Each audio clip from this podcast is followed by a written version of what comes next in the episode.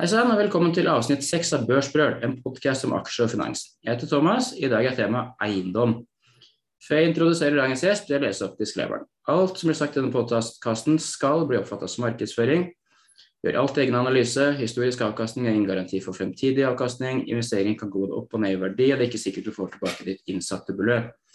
Så da setter jeg i gang. Og I dag har jeg med meg Øystein Bogfjellmo fra Relog.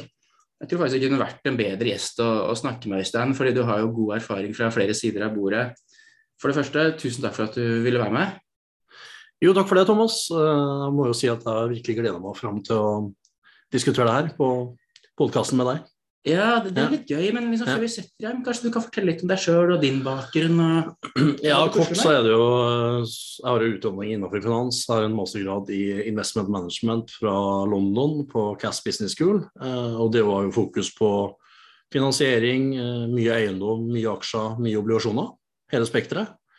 Eh, og så har jeg også jobba i, i SEB på, i meglerhuset på Markets innenfor både kredittsiden og aksjesiden. Og så etter det så var jeg forvalter i Odin, da. Eh, og da tok fondet Odin eiendom eh, etter deg, da. Så det helt messig ut når du overtok etter meg, eller?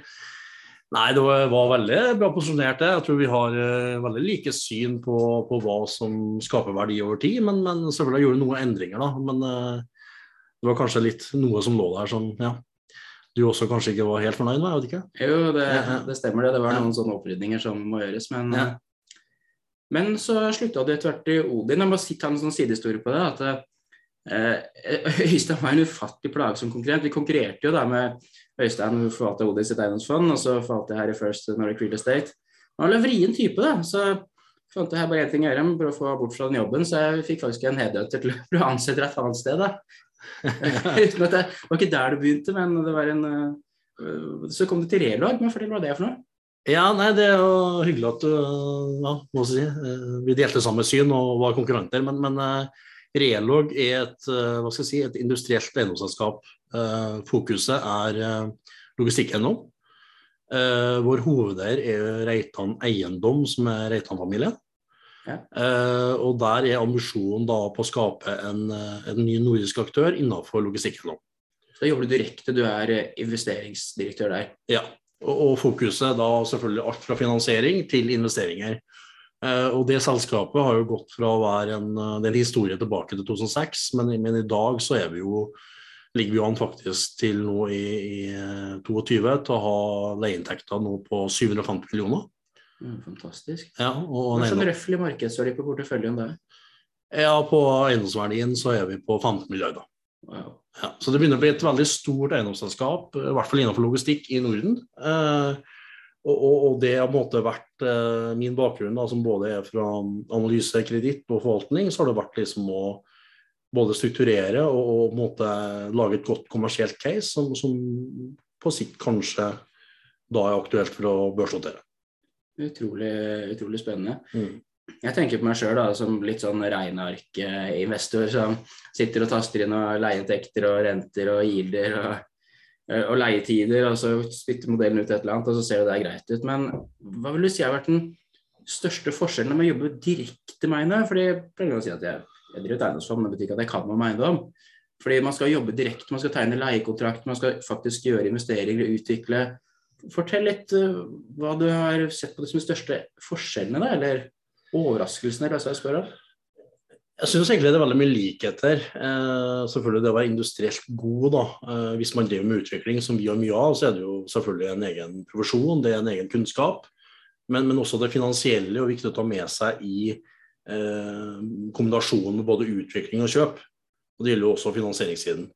Eh, men, men, det jeg på en måte syns er største forskjellen, er jo på en måte det å ha en forståelse av kompleksiteten, hvis man kan si det, rundt en utviklingseiendom. da. Ja. Eh, det er jo store merverdier å hente rundt det. Eh, men selvfølgelig, det krever jo kunnskap på en helt annen måte enn den finansielle kunnskapen. Men jeg har også sett at de som er flinke på det, kan skape betydelige merverdier. Og det går egentlig veldig enkelt på at du kan utvikle en eiendom der gilden over kostnadene ved å utvikle eiendommen, er mye høyere enn markedsgilden. Ja. Så da kan du umiddelbart bokføre en god profitt, samtidig som du har en god kontantstrøm. Så der har jeg jo sett at det er store muligheter. Men så er det jo ikke så mange på børs som kanskje ikke har mye kontantstrøm og fokuserer samtidig på det. Men Girelog har begge. da. Vi har både god kontantstrøm og så har vi også et utviklingsløp med, med flere utviklingseiendommer som jeg ser skaper veldig store merverdier for oss, gitt at vi har en stor tomtebank, og ikke minst kan utvikle det med fornuftige eh, avkastningskrav i forhold til markedsgilden. Eh, ja, for, for, å skape merverdier så må man gjøre noe som er bedre enn alle andre. da. Man har jo sett ja. selskaper som har drevet med utvikling som ikke har gått bra også, Norwegian Property f.eks. Hva, hva, gjør en, hva gjør en bedre til eiendomsutvikling enn andre? Hva er, det man skiller seg på? Jeg tror liksom eiendomsutvikling er veldig sånn kremmerbusiness. Eh, der må du ha kompetanse. Du må ha veldig eh, hva skal jeg si, veldig tett på ballen i forhold til liksom prosess, utvikling, kostnader og oppfølging. Ja. Og hvis du får til det, og får fornuftige kostnader i prosjektet, og en leietaker som er til stede og er villig til å tegne en leiekontrakt på fornuftig nivå, så er på en måte en liten arbitrasje, da, gitt at gilden over den kostnaden er, er høyere enn markedsgilden. Ja. Og, og, det er utgangspunktet. Men det krever selvfølgelig at du er veldig flink og disiplinert i utviklingsfasen. Bygger dere da uh, uten en leietakplass allerede, eller venter dere til dere har et, et utleid bygg, eller er det sånn andel som dere venter på før dere setter Nei, vi kjører ingenting på spekk. Uh, vi, vi, får jo interesser, vi har store tomteområder. Uh, så det er på en måte liksom vi tar det som et utgangspunkt, og så, og så, får vi interesser. Og så prøver vi da å, å finne et tilfredsstillende case ut ifra vårt avkastningskrav. Og der er vi veldig konsekvent. Eh, det kan vi også se de som har lyktes i Norden på, på børs, er jo de som ofte har vært veldig konsekvent i forhold til avkastningskravet eh, over tid. Ja. Og ikke la seg rive med selv om markedet både går ned, altså lavere gilder, eller opp. De gjør ofte lykkes eh, veldig godt, og det prøver vi også å være veldig disiplinert på. da at, at måte, hvis ikke avkastningskravet er godt nok, altså gilden ikke er høy nok, så står vi heller av enn å gå videre. Ja, jeg tror det er kjempeviktig. Jeg prøver å måle liksom, hva, hvordan utvikle eiendomsselskaper seg over tid. Da. Hvor kommer verdiskapingen fra? kan man litt enkelt si at du har antall kvadratmeter, altså ganger med en pris per kvadratmeter, leiepris. da. Mm. Trekker ut kostnadene, trekker ut rentene, så er det resultatet. da. Og det, Så enkelt og så vanskelig er det. Men den viktigste av de, kall det fire, da, det er faktisk å få flere kvadratmeter. Det er utvikling helt sentral del av det eh, for å lykkes. og Vi har jo et par selskaper vi kan snakke om etter hvert, her, men, eh, men, det å vokse altså Det utleiebare arealet er en utrolig viktig, viktig Ja, og det er ikke, det er ikke nemlig at 22 har vært eh, relativt krevende for alle aktørene. Det er selvfølgelig basert på utvikling i rentebildet, usikkerhet, politisk krig i Ukraina osv. Men, men uansett, Eh, det har skapt en usikkerhet, spesielt på finansieringssiden. og Da ser man også både på obligasjoner og bank.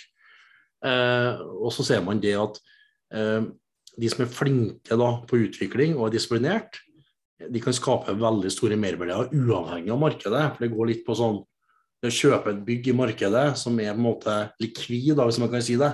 Ja. Mange kan kjøpe det, det står der, det har en leiekontrakt, det har en god beliggenhet. Det vil jo på en måte få en mye mer effektiv prising. Absolutt enn f.eks. en utviklingseiendom. Men hvis man tenker lengre, som vi prøver å fokusere på, er områdeutvikling. Ja. Vi har masse områder og næringsparker der vi prøver å etablere bygg, etablere synergier mellom leverandører og, og, og, på en måte tilhørende virksomheter til det bygget.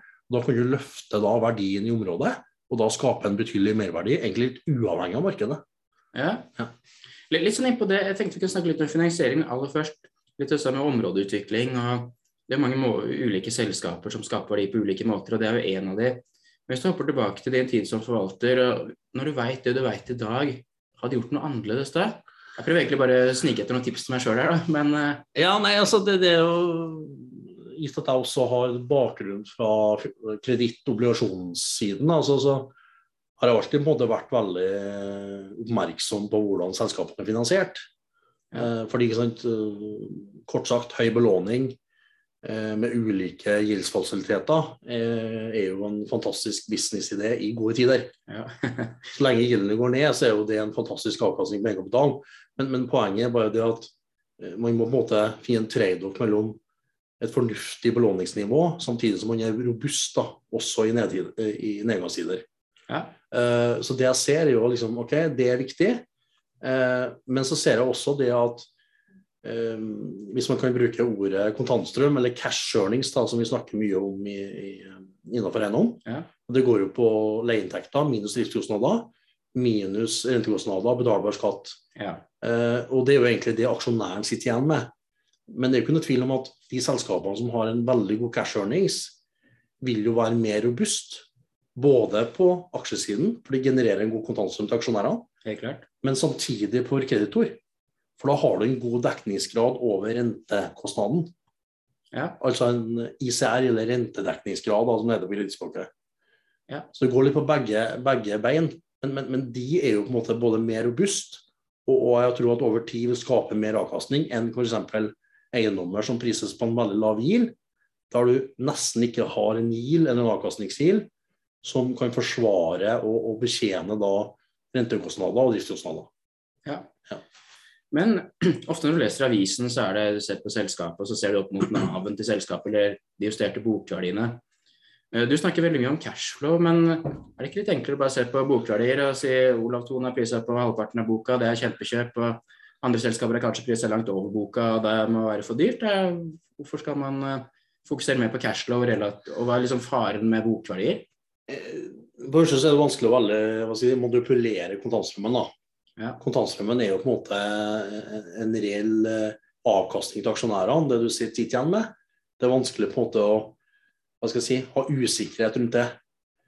Bokverdier er jo interessant, og hvis du tenker mer innenfor direkte eiendom og, de selskapene som ikke er på børs, men, men handler og kjøper eiendom, så er jo verdivurderingene essensielle. Både i forhold til hva er verdien på eiendommen, hva er verdien på egenkapital, men også i forhold til kreditor osv. Men, men poenget er bare det at bokverdier er jo generelt sett eh, har en større usikkerhet. For det er jo det er, det er avvik mellom verdivurderere. Ja. Det, det, det er jo bare sånn det er. Det er ikke noe fasit. Det er ikke noe fasit. Eh, det er avvik, og det er bare sånn det er. Samtidig som at jeg opplever at mange selskaper i bransjen og i sektoren i Norden er, si, har en ulik aggressivitet i forhold til hvor lavt de setter inn. Ja. Noen er mindre opptatt av det. Ja. Andre bruker det for å selvfølgelig da øke belåning og kunne få en bedre løfteevne. Ja. Så, så det er ulik praksis både på selskapsnivå og på verdivurderingsnivå. Og det gjør at måte, Naven er på en måte mer usikker da, enn kontantstrømmen. Jeg er jo helt enig med deg. Det er jo livsfarlig hvis du begynner å skrive gildene ned for mye, og så plutselig så må du reversere det. Du har tatt på for mye risiko. Så jeg kan jo bare snakke for meg sjøl, men SB er et selskap som jeg har styrt, eh, styrt unna på godt og vondt. og Gikk masse opp i 2021 og masse ned i fjor. og så får vi se, da. Men, eh, men det er jo uansett cashloan som jeg tenker er det viktigste akkurat pga. grunn av det du sier. Ja, og det, det var mitt syn både i lavrenteregimet òg. Eh, vi har hatt lave renter mange år, og spesielt i Sverige som har vært, eh, hatt også minusrenter. Ja. Så, så mener jeg at det har vært eh, ekstremt viktig. Og det er ikke noen tvil om at de aktørene som, har, som er best på det, da, og fokusert på det eh, og, og da kommer jo ikke unna Sagax. Nei? De har jo også levert best i bransjen. Ja. Eh, men, men de snakker jo ikke om bokverdier. Eh, De fokuserer på kontantstrømmen, hva de genererer, og hva de sitter igjen med til aksjonærene. Og ikke minst da ha en solid vekst samtidig. Ja, for de reinvesterer vel typisk da mye ikke noe utvikling, men å ha en høy cashflow yield. Ja. eh, Og reinvestere det i nye bygg, så får en høy cashflow yield, og så bare baller det på seg. eh, Uten at de skriver opp. For jeg har fått mye sånne spørsmål alltid når jeg skal presentere fondet. Så er det som er på over to ganger Nav. Det er jo galskap. Eh, Eller det er kanskje ikke så drøyt, da, men så ser du på Olav Thon, altså på halvparten, og så ser du på Sagak som er på togangeren, eller drøyt det. Det De aller fleste tidspunktene så kunne du, hvis du hadde shorta Sagax stått long og Olt, da, så hadde du konka om ikke så veldig lenge etterpå. da. Så jeg tror det er bare et praktisk bevis på det du sier. Men, men hva annet kjennetegner Sagax eh, som et eh, så godt selskap som du trekker frem? Nei, altså de har jo, Det er jo Nordens største selskap, uh, målt i market cap. Eh, har jo blitt det. Eh, og det er ikke uten grunn. Eh, altså, kursen er jo nesten tilbake til all time high. Ja. Likevel om det har vært hva skal jeg si, hermetegn krise i næringseiendom i 22. Ja. Men, men jeg syns jo de hva gjør de riktig? Altså, de har jo en veldig dyktig CEO, David Mindus. Jeg syns han gjør riktige grep på kapitalallokering og har gjort alltid fornuftige grep. Eh, selskapet er jo ikke så gammelt, det er jo selskapet tilbake til tidlig 2000. Ja. Og så har de nå skapt eh, markedsverdier på egenkapitalen på nesten 100 milliarder. Ja. og det, det, det, er jo fantastisk. Eh, og som du sier, det prises høyt på bok, men, men hvis du ser på kontantstrømmen, så er jo den formidabel. Altså, de har jo en veldig lav belåning på eh, EBITDA, da, som er på en måte cashflow-proxyen. Ja. Så, så måte, de, de, de, men, men, ikke sant? der det har vært konsekvent, er avkastningskravet. De har ikke kjøpt hvis avkastningskravet har vært lavere enn hva deres avkastningskrav internt er. Da har de heller gått ut av Norden, som har vært eh, priser lavere og lavere de siste åra, og gått ut av Europa. Ja. Eh, og så har de jo veldig mye leietakere. De har masse eiendommer som igjen diversifiserer risikoen. Så de, likevel om de måtte går mer sørover, og kanskje får flere leietakere og, og, kanskje bygg av ulik kvalitet, så er jo eh, tapet på leiekontrakter under 0,1 de siste fem år. Eh, men, men, det jeg mener, det, det, det er jo en tilnærming. Du vil ønske å skape mest mulig kontantstrøm for aksjonærene, og samtidig har de vært veldig flinke på finansiering. Ja, fortell litt om det de fremstår jo, hvis du ser eh, regnskapet eller årsrapporten, som ganske eksotisk finansiert. Ja. Eh, de har jo mye D-aksjer, du har hatt hybridgjeld, mye obligasjoner. Og obligasjonsfinansieringa er jo nesten alle finansieringene de har, det er veldig lite bankgjeld. Ja, det høres jo litt sånn guffent ut i dag, gjør det ikke? Ja, det, utgangspunktet gjør det jo det, men, men det er jo ikke noe tvil om at med en så god rentedekningsgrad og sånn kontantstrøm over rentekostnaden, eh, så vil jo de få tilgang til bankfinansiering. Men siste åra så har jo obligasjonsfinansiering vært mye rimeligere, altså gunstigere enn bank. Ja. Og da har de brukt det markedet, men det er jo usikra finansiering. Ja. Så, så, det liksom, da har du en fleksibilitet. da, ok, Du har masse usikra finansiering, du har like bankfinansiering. Jeg er ganske sikker på at bankene vil være villige til å belåne selskapet. Men da har man jo en opsjon. da, ok, Hvis markedet betrår så kan man jo gi sikkerhet da, til bankene, og da gjør det på refinansiering. Og, det her er jo også noe ratinginstituttene ser mye på, men det skaper en fleksibilitet gitt at de har veldig lite eh, finansiering med sikkerhet i eiendommen nå. Det er helt fascinerende, ja. syns jeg, at du ser på unsecured versus secured. Ja. Og så ofte så er det bare sånne bonds. Hvor mye bonds er det? Ferdig med det. Ja. Eh, men det er et viktig aspekt eh, å se på. Og samtidig så har Sages ganske lang eh, lang kredittid også, mm. så det er lang tid til forfall. Men, men, men, obligasjonsmarkedet er jo veldig volatilt. og Vi husker tilbake i finanskrisen, så var det jo kjempespredder. Og i fjor og inn i år så har det vært veldig høye spredder.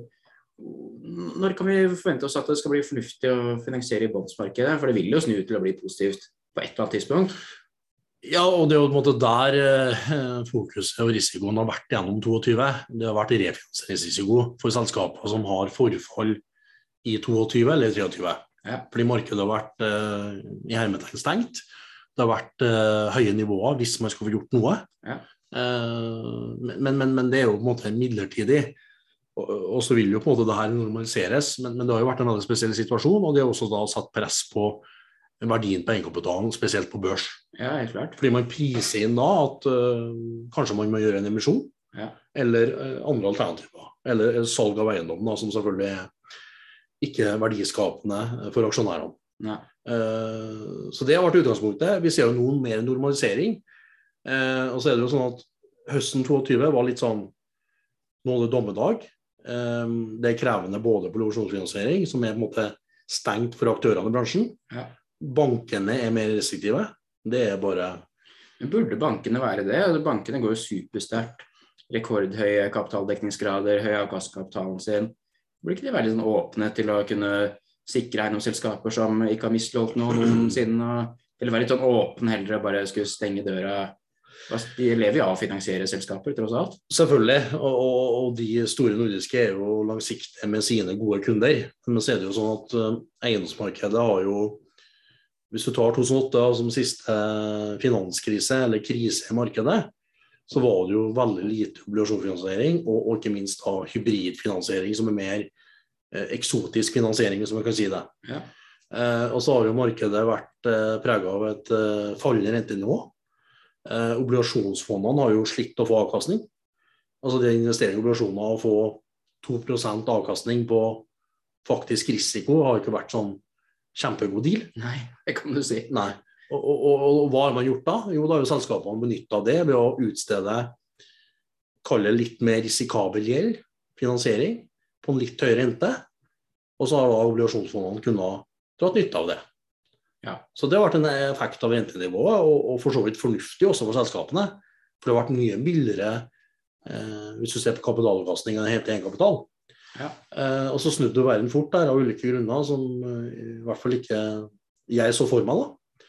Eh, og da blir jo denne type finansiering mer krevende å få refinansiert. Og derfor har jo da fokuset rundt refinansiering vært eh, hva skal jeg si, veldig i fokus. da.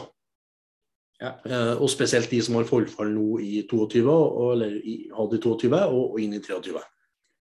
Det, det du har sett på av nye obligasjoner gjennom fjoråret, har jo selv for gode selskap vært gjort på veldig høye renter. Jeg husker ikke om det har vært 7-7,5 eh, på toppen av Stibor da, i Sverige. Og da ryker du fort på nesten 10 rente.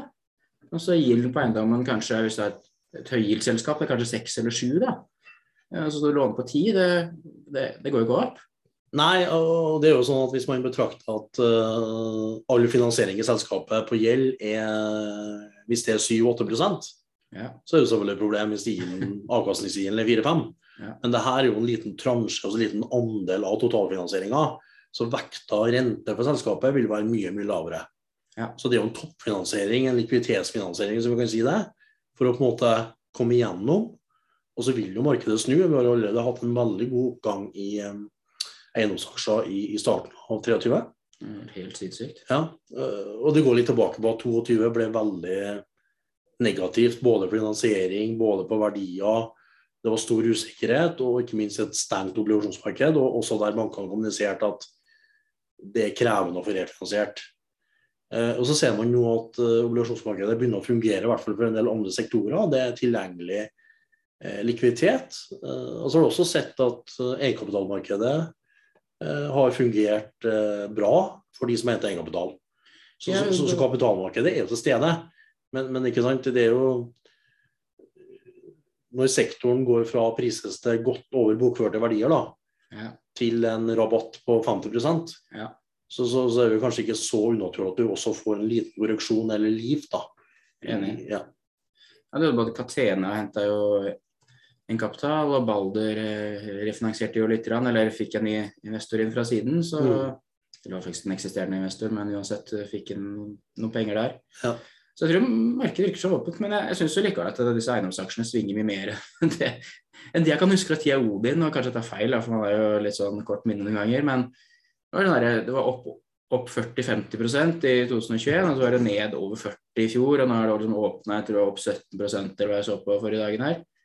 Ja, er det helt, altså, på, på ett måte må det være lett å kjøpe lavt og selge høyt. Da, når liksom, det er noen stabilitet i verdiene. altså Børskursen er det jo alt annet enn stabilitet i.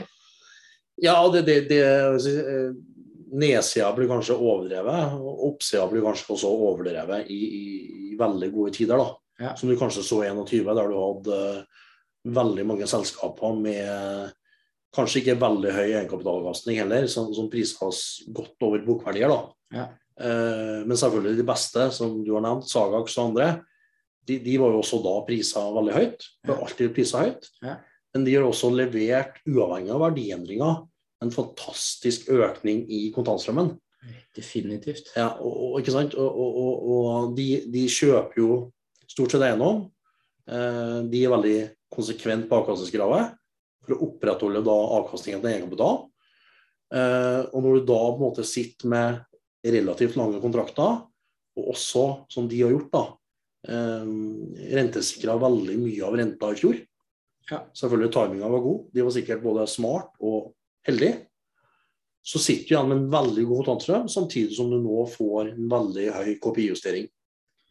Det, det må vi ikke glemme å snakke om. Fordi eh, I Sverige, da, i hvert fall det største markedet jeg investerer i, så tror jeg den relevante KPI-justeringa som kom i begynnelsen av november, var 10,5 eller 10,9% Det burde jeg huska. Jeg tror det var 10,9 uansett. I Finland så var det drøyt 8. Mm. Uh, men tåler selskapene dette her, da? Kan vi vente? Jeg vet at det er juridiske kontrakter som ligger til grunn, og det er egentlig bare å oppdatere fakturaen i nettbanken. Men, men kommer de til å få full inflasjonsjustering i kontraktene sine? For dere det, f.eks.? Eh, ja, vi, vi, får lite pushback på det eh, generelt. For kanskje leienivået eller leiekostnaden er jo en liten andel av kostnadene totalt sett for selskapet. Ja. Eh, så, så, så, på ett år så har det ikke vært eh, et stort problem. Men selvfølgelig hvis du skal øke med 10% i flere år, ja. så er det en annen story. Ja. Men, men, eh, men, uansett, da, hvis du får 10% nå i 23, eh, kanskje du normaliserer mer mot 5-6 og, og, kommer ned på 2-3 da, ja. som har vært litt mer historisk, så, så, så, er det jo uansett så har du en underliggende vekst i inntjeninga på eksisterende eiendom. Ja. Eh, og det er jo viktig. Eh, og så er det jo selvfølgelig kontrakter som ruller av og fornyes. Og der har du også da, eh, hvert fall gjennom for logistikk, som har vært såpass sterkt, ja. et høyere leienivå. Markedet har også gått mye bedre enn KPI-justeringa. Ja, definitivt. Ja. Så, så måtte og så har du selvfølgelig nå en høyere finansieringskostnad. Men nettoeffekten om et par år er vanskelig å anslå. Men, men, men, men jeg tror liksom at uh, nok en gang, da, som også i 2008, så viser jo at sektoren er for selskaper jeg si, som, som er kvalitet. da. Ja. Som, som er finansiert riktig, ikke tatt for stor risiko. Ikke brukt kapitalmarkedet for hva det er verdt enhver tid. Uh, vært konsekvent i forhold til investeringer avkastningskrav. Eh, og der har du jo Sagak, har også Balder, ja. andre aktører som har vært gjennom en krise før. De kommer jo ofte bedre ut. Ja, det er jo ofte sånn at ja. uh, du må bruke en god krise, som jeg skulle kunne ha Charlie Merkeland som sier det, men ja. uh, det må du gjøre. og så Det blir ikke bygd noe nytt nå, f.eks. Eller det blir bygd veldig lite nytt, i hvert fall. Mm. Uh, og det vil jo sånn i teorien støtte markedet etter hvert, fordi vi går kanskje inn i en svakere økonomisk syklus, og det blir lavere etterspørsel etter mange typer eiendom. Eh, men du, du har ikke økt Eiendomsmarkedet har ikke blitt bygd i hjel med masse nytt eh, tilbud, i hvert fall. Nei, altså det blir jo mindre nybygg. Eh, og sånn sett er jo isolert relativt positivt for eksisterende kontantstrømeiendommer. Ja, og de har eh, kanskje kapasitet til å bygge nytt, så de vil ta en større andel av det som blir bygd nytt. ja. Og derav stå sterkere enn dem, eller er det noe brist ved det? Nei, altså Utviklingen i dag tar litt lengre tid, for det, det, er både mer krevende for kunden, det er krevende i prosjektet, og ikke minst eh, kostnadsinflasjon på utviklingssiden. Ja. Så det, det, tar litt lengre tid, eh, men, men, selvfølgelig fullt mulig å få gjennomført. Ja. Eh, men, men, men, det gjør også at nye, altså det nye tilbudet av kvadratmeter vil jo bli mindre. Ja. Og det er jo en fordel for eksisterende eiendomsbesittere med flere eiendommer som sitter på kontantstrøm. Ja. Eh, fordi, fordi den strukturelle, i hvert fall innenfor logistikk, da, trenden er jo veldig veldig god. Eh, og Det ser du også kanskje på kontor i Oslo. Ja. Der er jo et veldig stramt marked, og selvfølgelig finansieringskosten påvirker jo segmentet, gitt at det kanskje er mer, eh, en lavere GIL på kontor enn logistikk. Ja. Men det er lite tilgjengelig og lar, ja. og det igjen gjør at leieprisene går eh, veldig høyt opp. Skal vi ta to ord om hjemmekontor, Øystein? Ja, det gjør det. det. Nå er vi kommet et par år etter det aller verste i krisen, i hvert fall. Eh, tror du etterspørselen etter kontor blir, eh, har blitt redusert sånn relativt sett, eller skal mer plass fordi folk vil ha mer plass når de først er på kontoret. Hva er liksom din erfaring med det? Eh, tesen umiddelbart uh, under koronaen var vel at uh, det skulle bli mindre etterspørsel etter kontor, mm. og mange skulle sitte hjemme. Og så er jo det sånn at de fleste av oss da er jo ganske sosiale vesen. Ja, bra du sier de fleste. Ja, jo, men det, det, det, er jo litt sånn man I hvert fall hvis man har en, et hjem og familie, så er det også godt å få et avbrekk og, og få gjort jobben og komme på et nytt sted. Jeg tror det er også litt mentalt og mentalt uh, bra. Eh, så du ser jo nå at eh, eh, kanskje den tesen om at eh, covid og hjemmekontor var veldig negativt for eh, kontorsegmentet, har jo på en måte kanskje ikke blitt så relevant eller aktuell som først frykta. Nei, det Uh, du ser vel heller at uh, man blir litt skeptisk. Uh, kanskje tilbudet blir mindre, og, så er nå liksom etterspørselen veldig stor, og da går jo også leienivåene. Ja. Men, men, jeg oppfatter jo mitt inntrykk av at majoriteten ønsker en kontorplass, de ønsker et arbeidssted. Både for å ha en avveksling i hverdagen, men også kunne diskutere og være et sosialt miljø. Eh, selvfølgelig unntak der, men, men, men, det er jo min oppfattelse.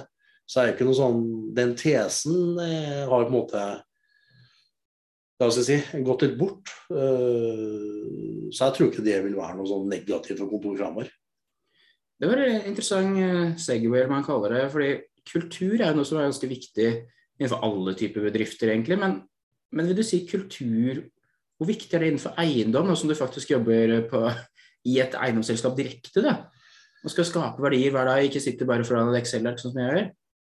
Ja, altså det, kultur er jo er ikke en ekspert på det, men jeg tror liksom det, den enkle prinsippet der er jo at uh, og det er jo basert på mitt syn, eh, bare for å si det, er jo litt sånn Større selskaper har jo selvfølgelig vanskeligheter med å skape en felles, omforent kultur. Ja. Flere mennesker skape, kan skape subkulturer, det kan skape ulike avdelinger med ulike fokus. Ja. Men det med fordelen med eiendom, da, hvis vi kan ta det, og, og du ser jo ofte i Sverige, eh, ikke bare ofte, men du ser jo det i Sverige at selskaper som er eid av daglig leder, ja. med kanskje veldig få ansatte, med i hvert fall de som er beslutningstakere, har jo prestert mye, mye bedre på børs avkastningsmessig enn mer administrasjonsstyrte, store selskaper. Jeg er helt enig. Uh, og Der kunne vi trekke fra mange navn. Sagax er selvfølgelig en av de. Eh, hvorfor tror jeg det er sånn? Jeg tror at hvis du er et mindre antall folk Eh, med klare oppgaver, klare retningslinjer, eh, selvfølgelig også med riktige insentiver, så er det enklere på en måte å skape den kulturen man ønsker. Fordi folk er jo forskjellige, og jo flere du blir, så tror jeg det er vanskeligere å måte, både være omforent og få en felles kultur. Så det er kanskje fordelen med NHO, at du kan være ganske få ansatte, men samtidig skape store verdier. For det går jo på utvikling, det går på oppfølging av kontantstrøm, som er forvaltningsrollen. Ja. Den er også veldig viktig i forhold til leietakere, fornyelse osv. Kjempeviktig. Ja, du har finansia, finansiering, og så har du ofte en daglig leder som skal ha kontroll på alt det her. Ja. Men, men, men, men, med så få folk, da, så kan du jo skape ufattelige verdier og ufattelige store selskaper. Ja. Det er min tese. Ja, nei, men Det makes sense. det at. Hvis du ikke er så altfor stor, så kan du skape en bedre felles kultur. og Ja. Innenfor eiendom, som du sier, så trenger man ikke uendelig mye folk. Uh, det skalerer en god del. og Det er ganske mye verdier per person da, relativt til mange andre selskaper. Ja, det er jo utgangspunktet en ganske enkel business. eh, Men, men, men det skal man ikke undervurdere heller. da, for det, det, På papiret så er det jo mer enn et rentespill. Det er mange som argumenterer for at eiendom er hva skal jeg si, priser utover renta. Ja, Det, det er jo selvfølgelig feil. for Hvis du ser på aktørene i markedet, så ser du at uh, selskapene har jo hatt en uh, ekstremt forskjellig avkastning. ja Helt vanvittig. Ja, i, i, I samme rentenivå. Se på Sagax mot Citycon f.eks. Ikke sant? Så det, det, det, er jo ja, det, det er jo ekstrem forskjell. Så det sier jo bare én ting, at det ikke er renta som ble avgjørende. Men, men det jeg oppfatter, i de gode selskapene, de er flinke på finansiering. Ja. Um, forutsigbarhet. Altså finansiering er jo vanskelig, for at ingen vet jo hva renta om to år, hvis du skal være ærlig. Nei, nei. Vi kan diskutere det timevis, og det er mange faktorer og sikkert ting som skjer som ikke jeg og du vet i dag. Peiling. Eh, men men sant? det å ha forutsigbarhet, kanskje rentesikre en stor andel for å måte ta bort risikoen der, for det er ikke der du skal være god. Du skal bare ta ned risikoen. Ja. Eh, men hvis du god på forvaltning, og da mener jeg oppfølging av leietakere, god på utvikling, eh, det å være litt kremmer da, i, de fasene der, så kan man skape store merverdier industrielt eller selskapsmessig. Helt klart. Ja, og, der ser jeg jo eksempler på de selskapene også i Sverige som har vært veldig gode. Eh, bare at de, de har ofte en forvalter da, som følger opp eiendommene, som er hva skal jeg si, veldig tett på leietakerne. Og hvis de vil ut eller inn, så har de, har ofte de nye leietakere til stede som er villige til å betale en høyere pris. Jeg er veldig enig der. at Ja. det, er mange sånne interne kompetanser i et eiendomsselskap. og Mm. eksempel, man skal ikke gjøre ekstern facility management. altså Vil du møte kunden din hvis du kan, det er helt opplagt. og jobbe med finansiering er en utrolig viktig del av det. Så det er mye intern kunnskap som, eh, som man skal ha. Men så kan jeg spørre én ting til slutt eh, før vi avslutter. og Det var litt sånn innpå det du sa med nøkkelpersoner, med daglig leder eier mye av selskapene. fordi Svensk Eiendom spesielt har blitt mye beskyldt for å ha krysseierskap der eh, CEO eier, eh, eier, aksjer i andre selskaper og som eier tilbake i ditt selskap. Og så er det mye som folk ser på som er herregud, dette kommer til å rakne som en uh, Ikke si det jeg tenkte på, men, men, ut fra det du sier, da, med liker Sagax f.eks., litt Balder som du nevnte, er ikke krysseierskap så farlig likevel? På papiret så kan det jo se farlig ut, gitt at man investerer hverandre. Eh, men det svenske markedet er jo, eh, hva skal jeg si, eh, kanskje blitt beskyldt for at det har blitt mye krysseierskap. Det er på en måte litt vanskelig ut fra litt governance og den type ting. Men sannheten er jo at de investerer jo i hverandre basert på at de faktisk har troa på selskapene og sektoren. Ja.